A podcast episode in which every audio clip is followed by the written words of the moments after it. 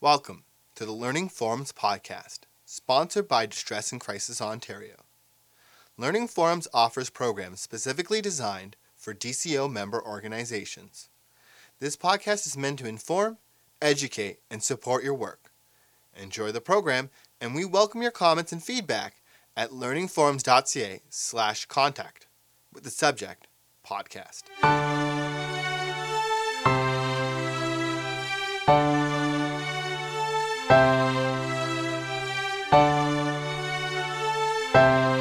Thank you for inviting me to uh, this forum today. I really am grateful for being here.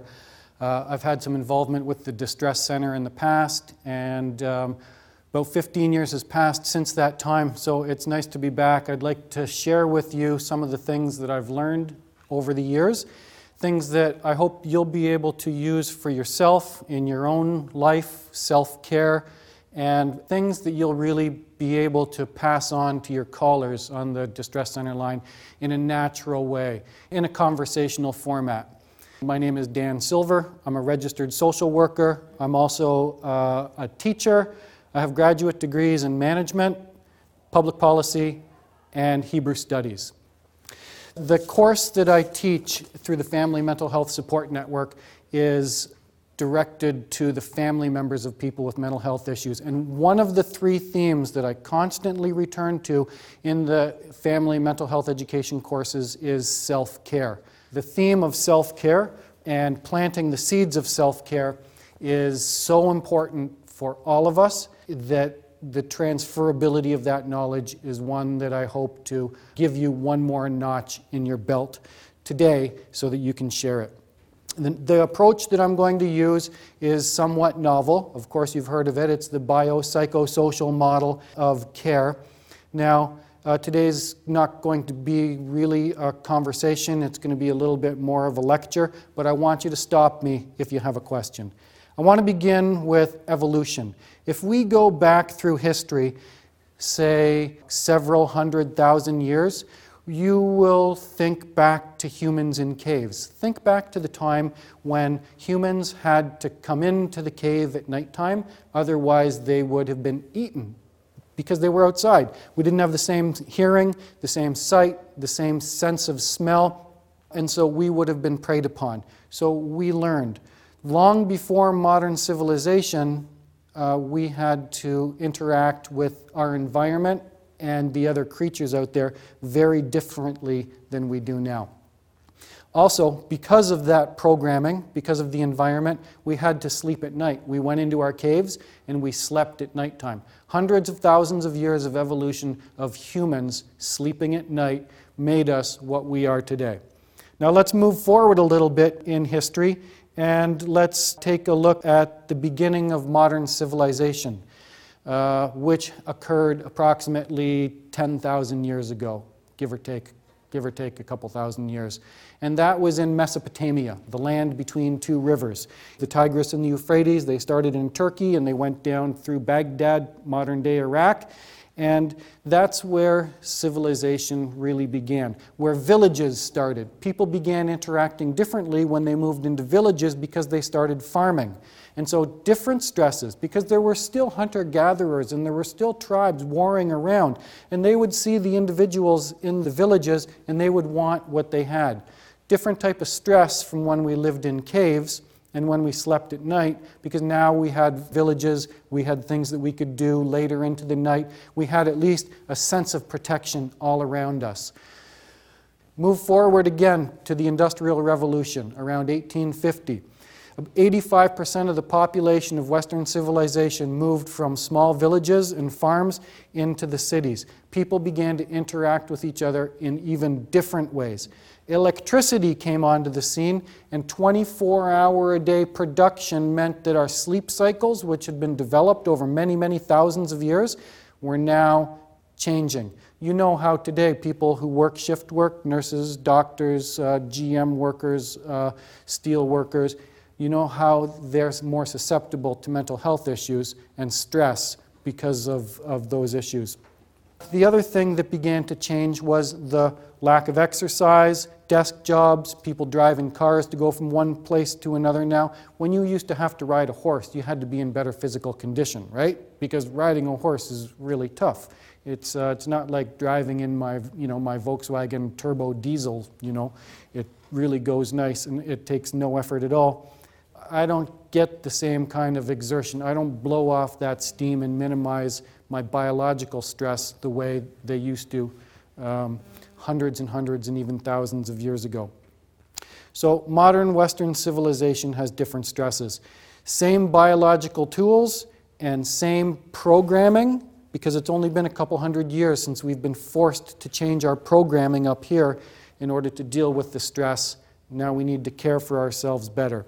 So, new demands are being placed upon us. So, self care in today's world. I'd say it's common sense. And I'm telling you, there's nothing that I can say to you here today that you don't already know. But what I am going to tell you is that knowing it is not enough. You know that too, right? It's the practice, it's the implementation, the actual doing. That's the hard part. That's where most of us fall down. So, if I was to ask you to become an Olympic athlete and you were put in a program, it would be structured, so structured. And you might not become an Olympic athlete, but you might become, uh, you know, an excellent athlete.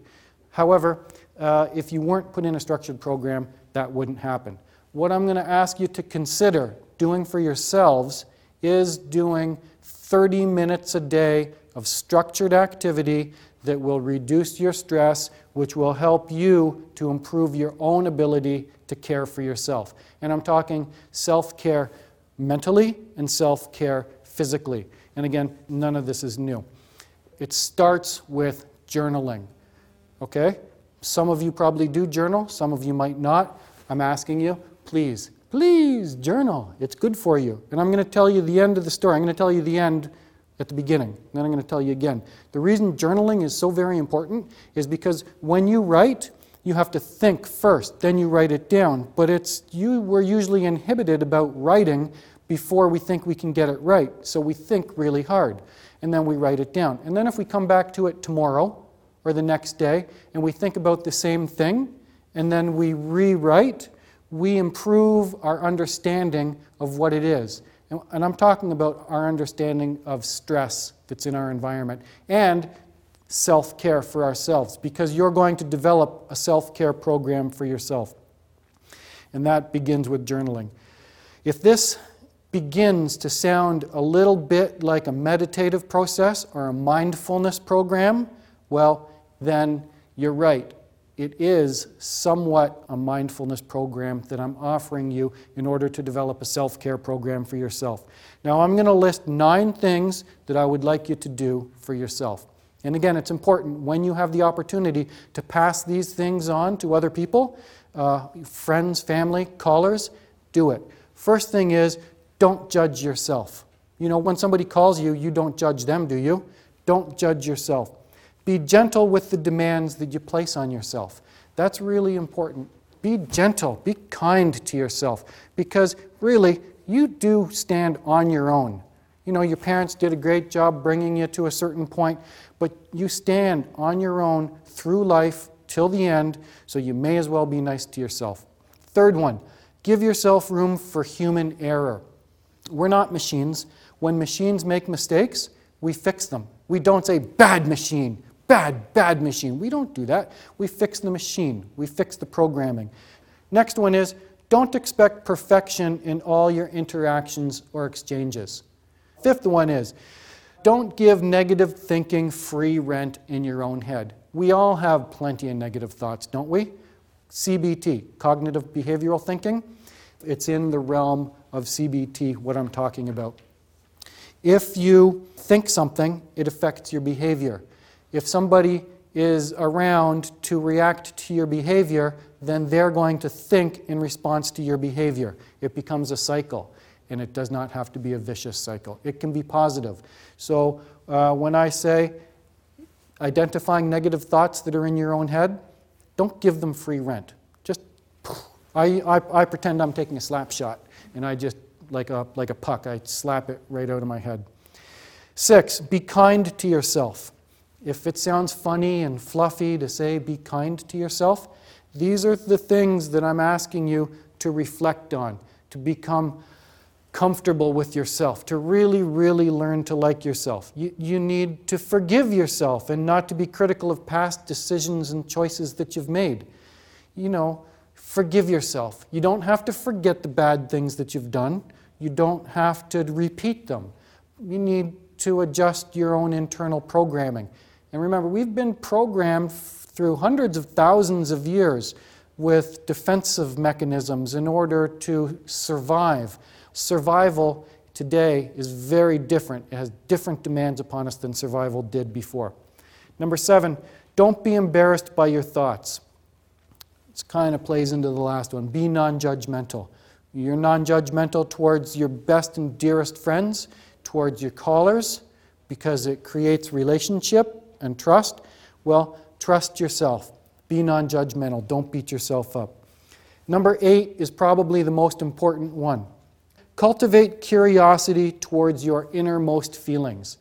Curiosity, if you have it, and you push that curiosity to the max, asking yourself questions about your own thinking and the stress and how you can program your life, then the beauty is that you'll come up with more answers to consider for the changes that you're going to make in the future about caring for yourself. Number nine is acceptance towards your own journey in life. You know, you don't have to keep up with the neighbors. Accept your own journey. And the reason it's important to accept your own journey is because if you take on somebody else's idea of who you should be and what you should be, you're going to be stressed and you're not going to take care of yourself. Similarly, that's one of the things that some of your callers are probably battling. You know, they're doing something that they don't want to be doing in life, or they did something and they're really stressed out. They've taken such poor care of themselves because the stress has burned them out. Breathing is an especially important component of this exercise. We don't have time to get into it now, but read up on the breathing component of meditation. And I'm going to leave you with one thought to do with breathing. When you breathe, like I just did, when you breathe successfully, it relaxes your muscles and it allows your lungs to get a full breath. When that happens, you get more oxygen into your blood and then you remain oxygenated and awake, and your body is better able to feed your mind. I liken this whole process to Yoda from Star Wars. You know how he was so chill and he could do things, he had the power, he was able to do things. Moving on. Other things in your control that can help you to have positive self care practices. And again, I've got a list. Starting with a strategic plan. Successful businesses don't become successful by luck, do they? I don't think so. Successful businesses have plans, philosophies, and they constantly review them, they constantly modify them and change them. So, why shouldn't you, every single one of you, have your own strategic plan? The social skills that you have, that you use on a day to day basis, are also really important. And the reason those social skills are important is because other people will react to you in certain ways depending upon how you interact with them. If you have great social skills, and I know my mother tells me, my mother's always telling me to improve my social skills. Uh, she's so cute. She's 84, and um, you know she even tells me how to set the dining room table if I don't set it just right. But the social skill component of how you are interpreted by others is, is, is important, just in that you will, uh, you will be reacted to differently. So take the high road. Now, Power of attorney for personal care. Do you all have a power of attorney for personal care? Sh- i see some heads nodding, some people do. Uh, I'm suggesting that in order to take care of yourself, if the day arrives when you can't take care of yourself, then you will have people who will be able to do it for you. Also, the process of completing that legal document will allow you to better understand yourself. You'll be better able to understand how you want to be cared for and seeing that the potential for disability lies ahead, you might start taking better care of yourself right now. Regularly review your calendar. You know, every week, say on a Monday or a Sunday night, look two weeks into the future in your calendar.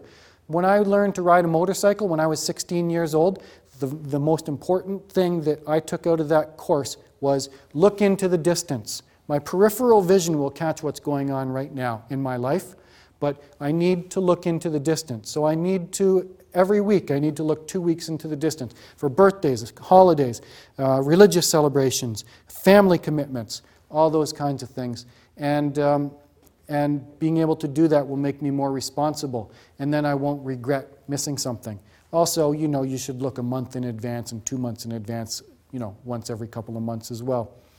Next, before you go to the doctor, how many people actually sit down and really write a good detailed list of what your ailments are, mental and physical? Uh, a lot of us think, well, I'm okay. I'm going to go in there, I'm going to sit down, I've got my eight minutes, and I'm going to tell the doctor what the problem is. Well, I'm saying to you, uh, I felt the same way a long time ago, and I found that when I started writing a list, and if I knew I was going to the doctor in three days, I wrote a, a, a comprehensive list of what was up. It gave the doctor a much better idea how to help me. Write your own personal statement about life. Knowing who you are is, is, is critical because if you know who you are, then you'll be able to say no much more easily when you come into, into environments that are emotionally conflictual. Next, and this is mandatory physical exercise go, get it. Join the YMCA, join another club, get a friend, go three times a week minimum, maybe four. And I'm not talking about exercise to the point of vomiting. I'm talking about exercise to the point of just getting your heart rate up and making sure that all your body parts still can move with the range of motion that, that will allow you to be comfortable. You already know all this, don't you? But as I said when I started out, it's the implementation, it's the practice which makes it really difficult. Healthy food choices, write a grocery list, keep a grocery list, um, see a nutritionist. You know, some of these things are probably covered by your benefit plans. And plan your meals. Most people don't Everybody knows that they should. Bucket list. Does everybody here have a bucket list of the most important things they'd like to do in their life? There's a movie called Bucket List. I suggest you watch it. It's very funny, and it, there's a moral to the story. Um, it's really important to have a bucket list. I've got one, and there's still a whole bunch of things I'd, I'd like to do. Next, and I said it about five times already journal, because when you write, you engage your reflective process, and what you do is you work out the kinks in your own thinking. And thinking about your own health, when you're 85, 90, 95 years old, do you want to be healthy physically and mentally? Or do you want to be so creaky that it just hurts to move? Your chances of being happy, healthy, and elderly are greatly increased if you do all these things. And these things are an awful lot of work. My last word to you is He who does the work does the learning. So please, take some of this, use it yourself, and pass it on to those who you see on your journey in life. If you're looking for a generic outline of that plan, you can find it at www.familysupportniagara.com under the Resources tab. It sounds like self care is very important. Could you tell us what are some of the consequences of not taking care of yourself? Sure, I can. Some of the consequences of not taking care of ourselves include the, the, the increase in stress that I'd mentioned earlier. And when we get stressed, the quality of our relationships diminishes. We say things abruptly that we don't mean to say we don't put the same reflection into our conversations with our loved ones or with our colleagues at work. So our acceptance in the home and in the workplace becomes compromised. Uh, our, it, it will also impact our success in our personal relationships and it will impact the success in our professional relationships. If we don't take care of ourselves and we don't sleep as much as we should, we wake up tired. And you know how uh, when, when something really creeps up slowly over a matter of years, I'm going to give you an example. I used to be 240 pounds. Now I'm down to about 185. It took seven years to get back down, but it took about 42 years to get up there. And gradually I got up there. Now, uh, if we don't take care of ourselves, our mental acumen diminishes so slowly that we don't even notice it going from, say, taking us from the 95th percentile in performance down to the 70th percentile in performance. And therefore, we suffer the consequences. There are other things that come into play as well. Our negative thinking will increase. As our negative thinking increases, what's going to happen is that we're going to look to alternatives to take that negative thinking away. I haven't mentioned substance abuse yet, substance use, substance abuse, but people will smoke more cigarettes. They may smoke a little bit of marijuana now and then. They may drink and drink a little bit more often than they should. And we know alcohol is a depressant. And so when people engage in what is oftentimes considered to be uh, socially acceptable uh, practice, such as drinking and smoking, because it so impairs one's ability to manage their own mood that the consequences just smack, hit, hit us right in the face, and they can knock us out of play. People can lose their jobs, they lose opportunity for promotion, marriages break up, people start gambling.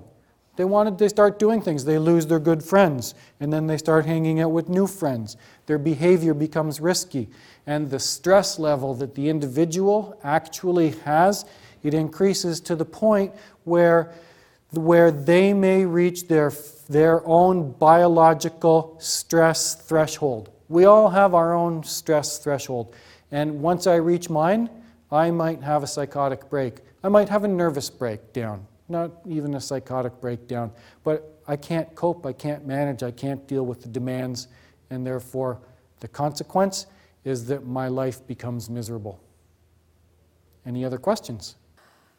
How can a family member help someone who is not willing to take care of themselves? Number one, creating as stress free of an environment as possible. That's really important. Now, uh, let, me, let me back up a little bit. Let's just say that I'm the fella living in the house. I live in the house, I live with my brother, and my brother is the one who's not well. I need to take really good care of myself first and foremost because if I get knocked off kilter, if I can't take care of myself, there's no way I'm going to be a model of good behavior, of, of good health care for him. So, number one, take care of yourself. Number two, present them with opportunities. You know, uh, common sense things again. Um, put, putting out healthy food, um, presenting them with good social activities to do, not telling them what to do though. We need to present our loved ones with opportunities and we need to let them make the decision because when they make a good decision, they will reap the reward. They'll feel good about themselves for making the decision. If they make a bad choice, then they in turn will feel the, the consequences of that bad choice themselves. And slowly but surely, Giving them ownership will help them to climb up gradually, and it is a gradual process. If there are no more questions, I'd like to sign off by saying I'm really grateful that you uh, invited me here today, and, um, and I hope to see you again.